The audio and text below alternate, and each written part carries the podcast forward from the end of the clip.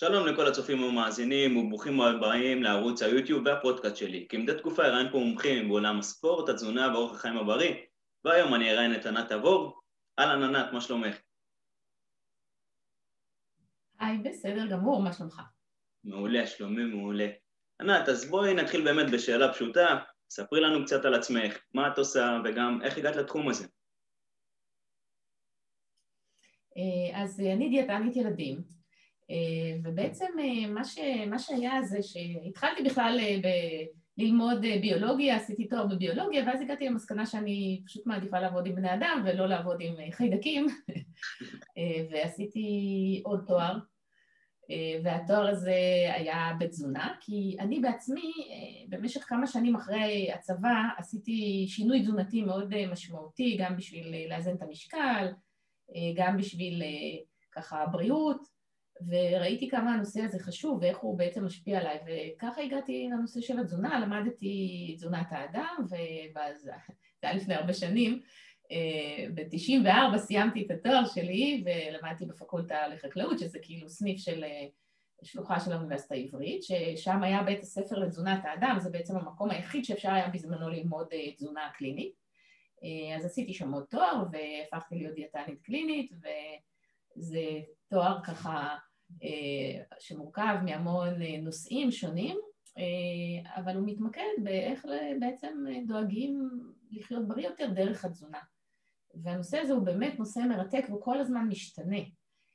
ומה שראיתי ככה, איך הגעתי לתזונת ילדים בעצם, ראיתי שלאורך השנים, כשעבדתי עם מבוגרים, שבעצם יש המון דברים שהם סוחבים איתם מגיל מאוד צעיר. כאילו הם, הם בעצם תקועים בתוך טעויות של עשייה וחשיבה ו- ו- וכל מיני דברים שקשורים לרגש הרבה פעמים, שממש מפריעים להם לעשות את השינוי. והדברים האלה לא התחילו בגיל מאוחר, אלא בהרבה מאוד מקרים התחילו בגיל צעיר. וככל שזה התחיל, ההצהרות התחילו בגיל יותר צעיר, כל התסבוכים סביב האוכל, ככה המשקל בבגרות היה יותר גבוה.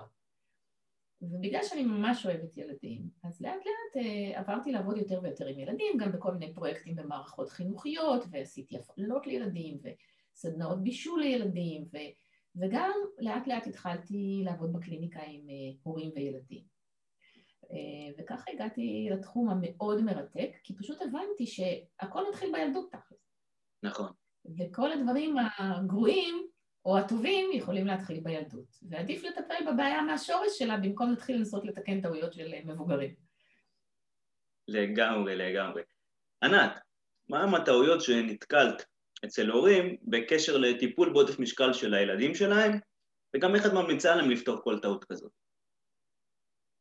אוקיי, okay, אז קודם כל יש בלי סוף טעויות, אבל אני חושבת שהטעות הראשונה אה, שאני אדבר עליה זה התחושה הזאת שטוב, קחי את הילד ותטפלי לי בילד, תתקני לי את הילד, הוא מקולקל, הוא בעודף משקל, אוכל יותר מדי, אין לו תחושה של שובע, הוא רוצה עוד מנה ועוד מנה, או שהילד אה, לא עושה ספורט, לא אוהב, אז בואי תקחי את הילד, תעבדי איתו ו- ותתקני אותו, ותחזירי לנו אותו יותר טוב, יותר בריא, יותר אוכל טוב, יותר מאזן את האוכל שלו, במשקל יותר תקין וכאלה.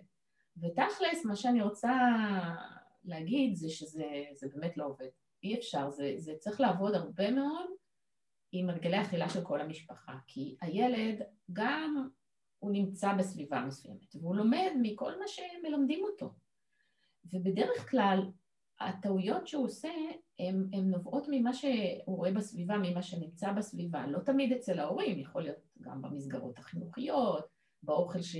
כל החברה אוכלת מסביב, בצהרון, אצל סבא וסבתא, כלומר הוא מושפע מהמון מקומות, זה לא שרק ההורים הם היחידים שמשפיעים, אבל להורים יש תפקיד מאוד מאוד חשוב, בעיקר בגיל צעיר, ששם יש להם השפעה הרבה יותר גדולה. ותכלס, בגלל זה אני גם הרבה פעמים אה, לא עובדת עם הילדים עצמם עד גיל מסוים, כן? עד שבאמת הם בשלים לזה שאני אדבר איתם. כי אני יכולה לדבר על מחרתיים עם ילדים, אבל אם לא עושים שינוי בסביבה המשפחתית, אז לא עשינו מזה כלום. נגע. Okay? אז, אה, אז, זה, זה משהו נכון, אתה מכיר את זה מה, מהסביבה שלך? אתה עובד קצת עם ילדים? עם ילדים פחות אני עובד, אני עובד יותר עם אנשים שהם אחרי צבא כבר. זאת אומרת שאני פספסתי את ה... להקנות להם את ההרגלים, אני מנסה לתקן את מה, ש... מה שאפשר לתקן. כן, כן, אז אה, בסדר, זה, זה בסדר גמור, זה לא שפספסת, אפשר לתקן בכל גיל. לגמרי. אבל העבודה, כן, כן, אבל העבודה יותר קשה. זאת אומרת, אתה צריך הרבה יותר לעבוד קשה בשביל לתקן כל מיני דברים שילדים הורגלו אליהם. ו, ולכן, באמת, הטעות הראשונה זה, זה בואו בוא נטפל רק בילד. לא, צריך לטפל בכל מה שקורה מסביב, לנתח איפה הטעויות, ומה הדבר הנכון שצריך לעשות, ומה הדבר הלא נכון שעושים, ו, וצריך לשנות אותו. וגם אי אפשר לקחת ילד, כן, ולהגיד, אוקיי, כולם אוכלים שניצלים מטוגנים, ואתה אוכל, אה, לא יודעת, חזה עוף אפוי בתנור. זה, תחשוב איזה תחושה של קיפוח זה מייצר אצל הילד, איזו הרגשה לא נעימה ש... שמשהו בו לא בסדר, שכאילו משהו בו דפוק, כי כולם מקבלים את הפינוקים, אה, כן, או שמחלקים לכולם, אה, נגיד, אה, אתה יודע, מגנומים כאלה, ארטיקים, והוא מקבל ארטיק קרח. למה? כי, כי הוא צריך אה, אה, כאילו לשמור על המשקל שלו. תחשוב איזה הרגשה לא נעימה זה יוצר אצלו, והרגשה שמשהו בו לא בסדר. לגמרי, לגמרי, לגמרי. אז, אז ממש ממש צריך לעשות את זה מאוד בזהירות. וגם בכלל, כאילו ילדים הם מאוד רגישים נכון. לסביבה שלהם, ואתה לא יכול אה, לעשות איתם דברים שהמבוגרים נניח מסוגלים אה, לסבול, כאילו, אתה לא יכול לעשות דיאטה לילד בלי שהוא לגמרי לגמרי יודע מה קורה שם ו- ובוחר מה בעצמו, מה כן מתאים, מה לא מתאים. אתה לא יכול, כי זה מהר מאוד יוביל להמון מאבקים ולהמון התנגדויות ולהמון תסכולים, וראיתי את זה. ראיתי את זה. זה קורה כל הזמן. אתה רואה ילדים שההורים לטובתם, זה לא שההורים רוצים לעשות נזק, אבל בלי להתכוון, הם מייצרים נזקים. כאילו, בלי, בלי, הם, הם רוצים בטובת הילד, הם פוחדים נגיד שהוא יהיה שמן ולא מקובל חברתית, או שנניח יהיה איזשהו משהו שיפגע בו מבחינה בריאותית, כן? לא יודעת, סתם עשו בדיקות דם והכולסטרול קצת גבוה, או שלפעמים ממש, אני רואה גם שהרמות של הסוכר גבוליות כאלה, אז ההורים נורא בחרטה, אומרים, אוקיי, בואו בוא נטפל בזה. וזאת טעות מאוד קשה, כן? שברגע שמנסים יותר מדי אה, לטפל ישירות בילד, וגם אפילו לד... הדבר הכי גרוע זה לדבר איתו על זה ולהגיד לו, תשמע, אתה בעודף משקל, אתה צריך עכשיו לרדת במשקל. כשהכול מסביב למשקל, הילד, ועכשיו המשקל הוא לא מגיב מהר. זה לא משהו שקורה בן לילה, כפי שאתה יודע, עם מבוגרים, אז עם נכון. ילדים עוד יותר. ואז הילדים נכנסים למצב שבו הם, הם באמת מתחילים לשנוא את עצמם.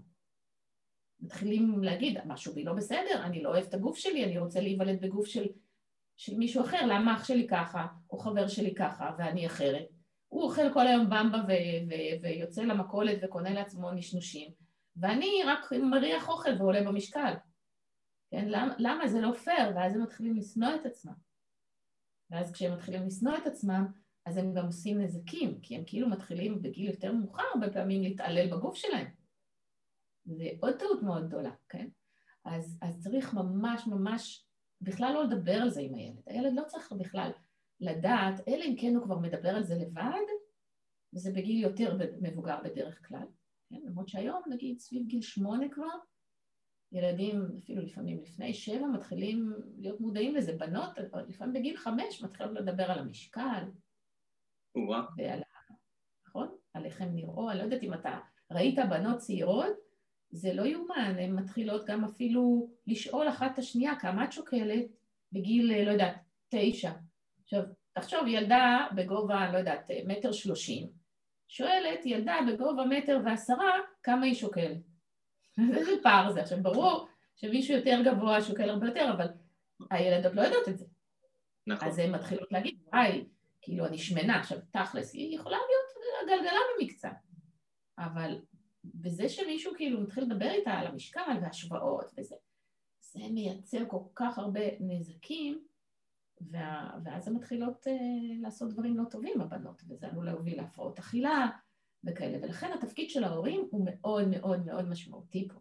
ולכן גם אני בקליניקה, אני לא, רק באיזה גיל 12 בערך אני מתחילה לדבר, 11. עם הילדים עצמם, כשהם כבר מספיק בוגרים בשביל לקחת על עצמם את האחריות והם כבר מבינים איפה הם נמצאים.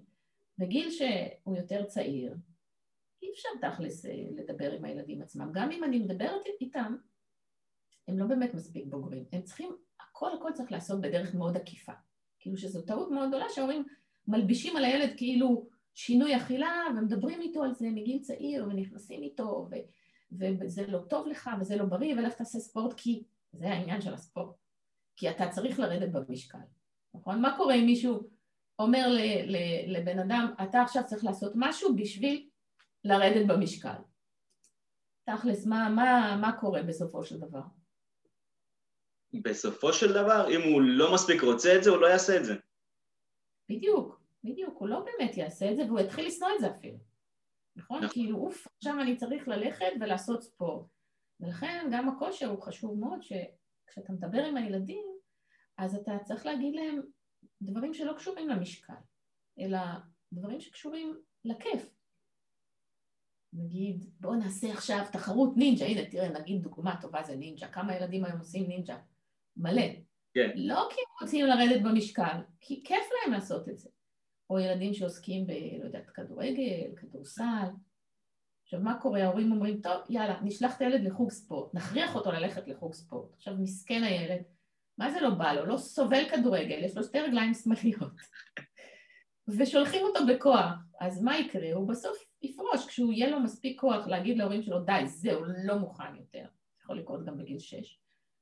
אז הוא לא ילך יותר, והוא ישנא, הוא יגיד, אוקיי, כל פעם שהוא יחשוב על ספורט, הוא יחשוב על זה שקשה לו, מסורבל לו, הוא לא מצליח, חברים שלו טובים והוא לא טוב. אז לכן גם בקטע הזה צריך שההורים בכלל לא ידברו איתו על הקשר בין ספורט לבין משקל, אלא יגידו, תשמע, זה כיף, זה בריא, זה עושה... ימצאו משהו טוב בו. כל ילד יש לו כישרונות אחרים, כן? יש ילד שטוב בכדורגל ויש ילד שהוא יהיה מעולה בג'ודו ויש ילד שהוא יהיה נהדר בשחייה או... כאילו כל, כל ילד צריך למצוא מה שכיף לו. יש ילדים שלזרוק אותם למים וזה יהיה להם סיוט ויש ילדים, רק תיתן להם לשכשך במים כל היום, זה יהיה להם כיף. אז בתחום של תזונה וספורט צריך לחשוב טוב על uh, מה, מה עושה לילד את הכיף. ו... זאת אומרת, עכשיו יש לי ילד קטן, שכן אני רוצה שהוא יורד במשקל, הדבר הראשון, אני, אסור לי לעשות איזושהי פעולה שהיא פעולה ישירה לעובדה שאני רוצה שהוא יורד במשקל. זאת אומרת, אם אני רוצה שהוא יעשה ספורט, אז אני מכווין אותו לספורט לפי מה שהוא אוהב, אם הוא אוהב כדורגל, אם הוא אוהב כדורסל, ככה בעצם זה פעולה עקיפה לזה שהוא יעשה פעילות ספורטיבית ויאהב אותה, ומצד שני, אני כהורה, או הסביבה שאני מקנה לילד שלי, צריכה להיות בהתאם למה שאני רוצה שהילד יעשה. כי בעצם ככה זה יהפוך להיות סוג של copy-paste. הוא יעתיק את מה שאני עושה, בלי קשר לזה שאני רוצה שהוא ירד במשקל. בדיוק, בדיוק. כאילו, ההורים הם, הם דוגמה ומודל לילד, כאילו, הילדים הם קופיפים קטנים. מה שאנחנו עושים, הם יעשו, כאילו, זה, זה חד וחלק. יש אפילו משפט כזה מפורסם של אה, אחת מ... שהיא גם פסיכולוגית וגם דיאטנית ילדים, אה, אה, אלין סאטר קוראים לה, והיא אמרה, ילדים תמיד ישמעו ברקע את מה שאנחנו אומרים. לפעמים, כן, הם יקשיבו למה שאנחנו מבקשים מהם לעשות, אבל תמיד הם יעשו את מה שאנחנו עושים. יש בזה לגמרי, לגמרי נכון, לגמרי צודק. כן, אז זהו, אז, אז בגלל זה אנחנו צריכים לתת להם דוגמה אישית. נגיד ההורה כל היום רובץ מול הטלוויזיה ומנשנש כל היום כל מיני שטויות, כל פעם שנכנס למטבח הוא מכניס משהו לפה. הילד רואה ועושה, אוקיי? זה מה שקורה. עכשיו, אתה לא יכול להגיד לו, תשמע, זה לא טוב שאתה מנשנש, זה, לך תקום מהטלוויזיה, אבל אם אתה עושה את זה, מה הילד אה, יכול לעשות? כאילו, הילד לא, אין לו דוגמה למשהו אחר.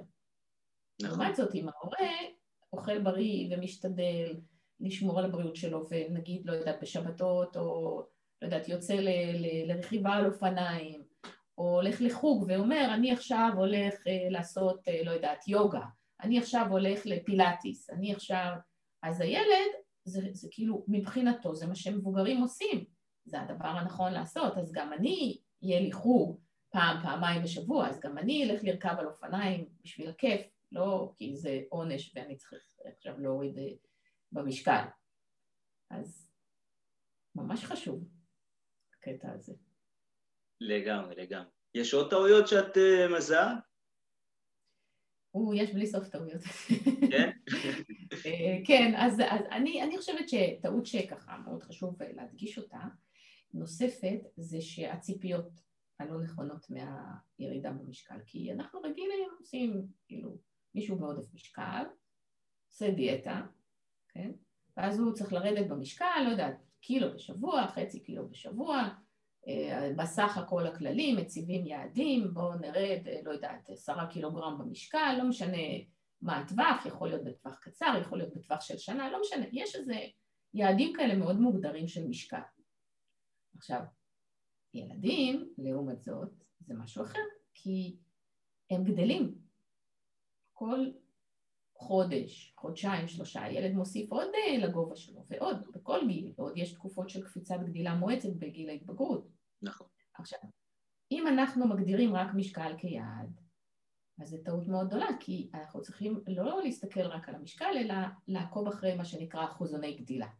כי כל גיל מתאים לו משקל אחר. מספיק שאנחנו רואים שהילד לא עולה מעבר לנדרש, מעבר לאחוזון גדילה שלו, כאילו יציב, ואפילו כאילו לפעמים טיפונת עולים, אבל לא עולים הרבה, זה גם הישג.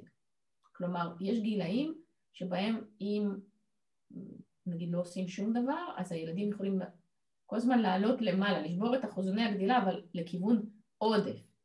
מספיק שאנחנו מייצבים את זה, זה כבר שדרוג, וזה כבר שיפור. זה אומר שהמצב לא מחמיר. כמובן שתלוי בעודף. אם יש עודף גדול, אנחנו רוצים לראות שהילד עולה רק בגובה ולא עולה במשקל, אוקיי?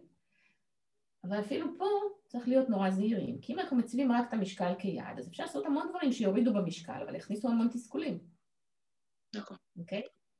אז אנחנו לא רוצים להכניס תסכולים, כי הילד עלול, אה, כמו שאמרנו, להיכנס לכל מיני תחושה שמשהו בו לא תקין, לשנוא את עצמו, או להיכנס נגיד לאיזה שהם מעגלים כאלה של לאכול יותר מדי, כי הוא כבר הרעיב את עצמו והוא כבר לא יכול לשלוט בעצמו. ואז מעגלים כאלה של עליות ירידות באכילה, כמו, כמו סוג של מה שנקרא בינג' איטינג, שזה כאילו אכילה בהתקפים. למה? כי הוא ניסה להימנע, ניסה להימנע, ניסה להימנע, הגוף שלו מתחיל עכשיו לצעוק עליו, תאכיל אותי, תאכיל אותי, תאכיל אותי, בפרט שהוא בגיל של צמיחה, ואז הוא אוכל יותר מדי, ואז הוא מרגיש רגשי אשמה, ואז הוא מפסיק לאכול, ואז הוא שוב אוכל יותר מדי כי הגוף שלו שוב צועק עליו. בקיצור, מעגלים איומים ונוראים כאלה שמלווים את האנשים לאורך שנים. נכון? אתה בטח מכיר את זה ממבוגרים. כן, כן. עוד כסח כאלה שיורדים בבת אחת, מונעים מהמון אה, דברים, נמנעים מהמון דברים, נשברים מתישהו, עולים בחזרה הכל, אפילו עם בונוס, ואז שוב פעם נכנסים למעגל של הדיאטות, ואז שוב פעם עולים עם בונוס, בלי סוף. כן, בדיוק, בדיוק. עכשיו, ככל שאתה מתחיל בגיל יותר צעיר, אז אתה גם בעצם מביא את הילד לזה שהוא כבר לא מאמין שהוא יכול לעשות שינוי.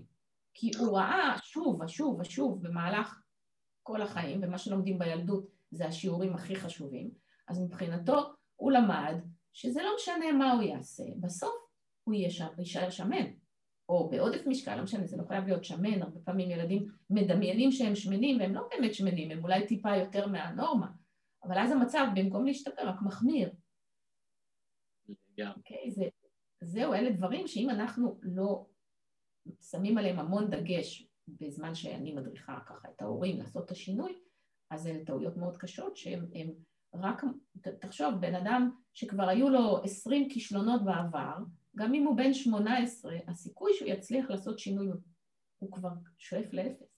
נכון. כי הוא כבר מבפנים לא מאמין שיש לו איזה אופציה לעשות פה, כי הוא חווה שוב ושוב את הכישלון, אז אין לו תחושה של מסוגלות, תחושה של יכולת. אז אתה מגיע למצב שבו אתה צריך כאילו כבר לעשות שם מהפכה פסיכולוגית, והרבה פעמים זה בלתי אפשרי כמעט, בעיקר לאור העובדה שהמון אנשים לא יודעים לעשות את ההדרכה הנכונה מבחינה פסיכולוגית. אה, גם אם הם מומחים לדיאטה, הם יודעים להגיד איזה תפריט לתת, אבל הם לא יודעים להגיד איך ליישם את התפריט לאורך הרבה זמן. נכון. יצירת הרגלים, אורח חיים בריא, זה דברים שלא לא באים תוך חודש, חודשיים, אי אפשר להקנות לבן אדם ש... 18-20 שנה רגיל לעשות משהו, בחודש אחד להפוך אותו לבן אדם ש... שעושה את הרגלים האלה בצורה מעולה. נכון, נכון. וזאת הסיבה שצריך מגיל מאוד צעיר להכניס את ההרגלים הנכונים, אבל לא דרך זה שתגיד לילד, טוב, עכשיו אתה מתרגל לאכול כך וכך, אלא כל המשפחה. נכון. זה, זה טיפול משפחתי, טיפול תזונתי בילדים הוא תמיד תמיד טיפול משפחתי. עכשיו, תחשוב אם יש נגיד בבית ילדים רזים וילדים בעודף משקל. אז אתה לא יכול להגיד, טוב, מסכנים הרזים, מה הם אשמים שהאח שלהם שמן, אז מה, לא ניתן להם לאכול ממתקים וחטיפים וזה? אז יש לך כאילו מלא חטיפים וממתקים שכל הזמן הילדים מנשנשים חופשי, אבל לאח אחד מותר, ואפילו מעודדים אותו כי הוא רזה מסכן וחלוש, ואח שני אסור. עכשיו, תכלס זה לא טוב לאף אחד. נכון. גם אותם ילדים רזים שמתרגלים לנשנש כל היום, הם יכולים באיזשהו שלב להפוך להיות בעודף בגיל יותר מאוחר, או סתם להיות לא בריאים. אז נכון. לכן עושה טיפול משפחתי, אתה צריך שכולם יישרו קו, שכולם ינהגו בערך לפי אותם כללים, כי תזונה בריאה היא תזונה בריאה לכולם. זה לא משנה מה המשקל, כן? ג'אנק פוד ואוכל כאילו שהוא נגיד עשיר בכל מיני רכיבים לא בריאים, וממתקים וסוכרים ונשנושים וזה, זה לא טוב גם לרזים, זה סותם להם את התיאבון. כן? וההורים לא יודעים את זה, אז הם אומרים, טוב, כאילו, מסכן, הילד הרזה, להפך, בוא, בוא ניתן לו, העיקר שיאכל משהו שכבר, לא משנה שיאכל שוקולד או במבה, שיאכל. זה גם לא נכון, כי במקום זה בא על חשבון אוכל יותר בריא, יותר מזין, יותר שגורם לו לעלות במשקל לרמת תקינה. אז הטיפול צריך להיות מאוד מאוד רגיש בילדים, מאוד. אי אפשר להביא ילד ולהגיד, אוקיי, הנה, בואו נטפל רק בו. לא עובד, פשוט לא עובד. לגמרי.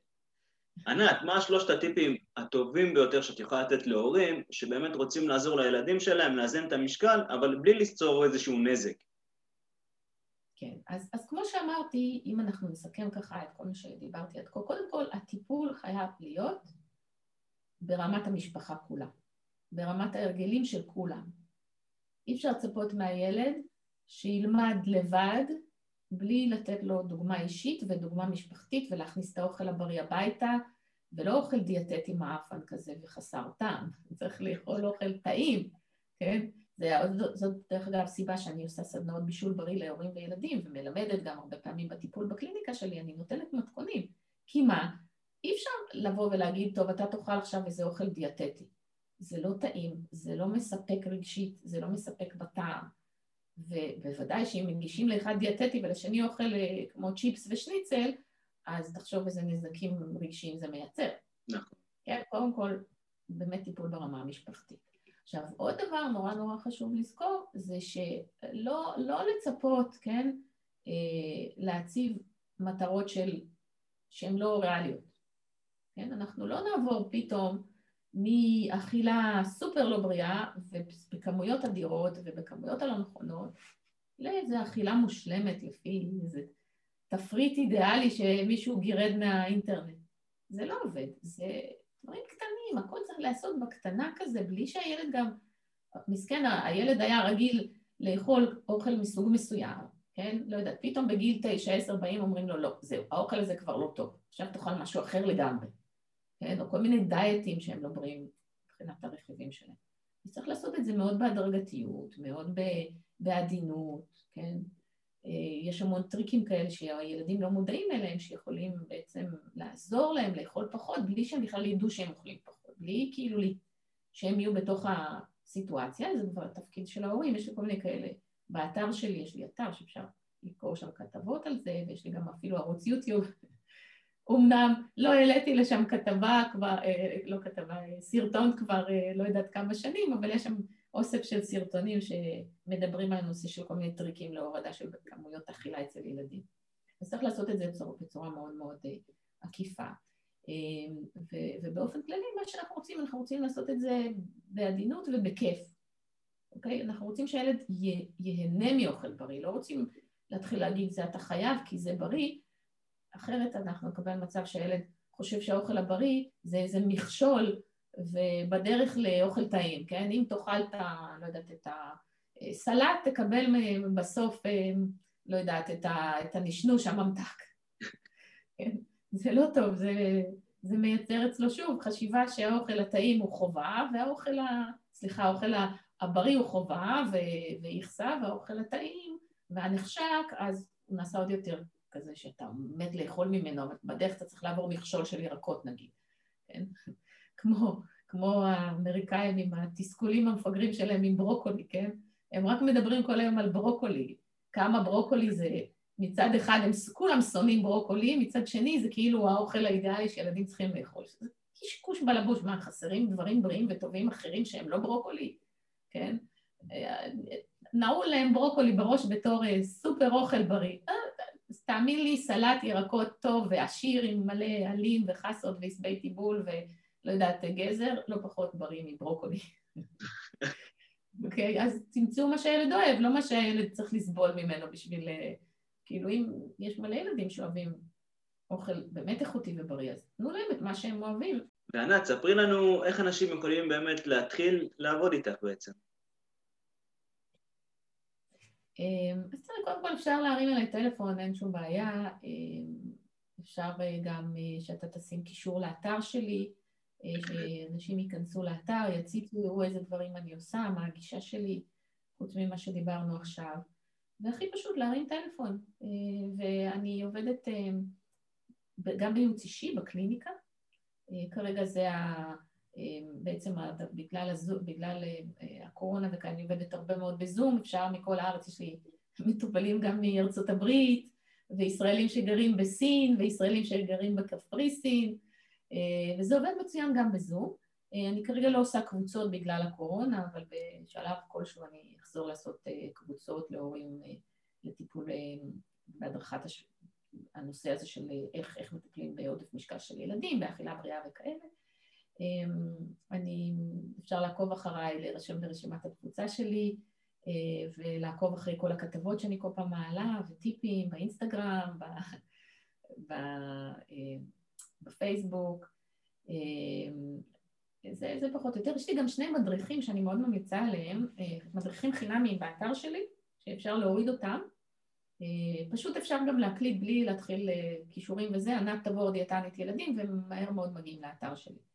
אה, אז יש שם שני מדריכים, אחד זה על משחקי אוכל לילדים, זה משחקים שיכולים ללמד ילדים לאכול ולאהוב אוכל בריא בלי לתת להם אפילו לאכול, אלא רק דרך משחק. והמדריך השני זה איך בונים בעצם צלחת בריאה לילדים. אה, וכאילו הרגלי אכילה ככה יותר נכונים בכל ארוחה.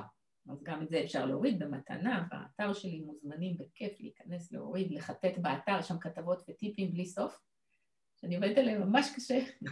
כדי, אה, כדי ככה להעביר אה, בצורה הכי ברורה את הנושאים, כי זה כל כך חשוב לי, אני כל כך הרבה שנים רואה באמת מבוגרים שתקועים בתוך מעגלים איומים של דיאטה, וגם אפילו ילדים שההורים שלהם לא ידעו פשוט איך לעשות את זה נכון יותר, והילדים כבר בעצמם נורא ככה ב... תקועים בתוך הטעויות החוזרות האלה, ועצוב לי לראות את זה, אז תיכנסו, תקראו, נסו למנוע את זה מהילדים שלכם, את כל הצרות האלה. לעשות את זה נכון מה, מהביס הראשון. וואו, ענת, המון תודה לך, גם על הזמן שהשקעת, גם על כל הידע והתוכן שנתת פה. באמת, תודה, תודה רבה. בשמחה, וממש תודה שהזמנת אותי להתראיין אצלך, ובהצלחה גדולה בהמשך עם הפודקאסט. תודה, תודה, תודה. ואם אתם רוצים להמשיך ולקבל תוכן והמלצות ממומחים בעולם הספורט, התזונה ואורח החיים הבריא, מוזמנים לחפש אור סגה עוקב, או ביוטיוב, או בספוטיפיי, ולעקוב. ואם תרצו לקבל שלושה טיפים מוכחים לירידה במשקל, לחצו על הקישור המופיע למטה, וקבלו את ההדרכה שלי בחינם. המון תודה לכם, המון תודה לענת, ונתראה בפרק הבא.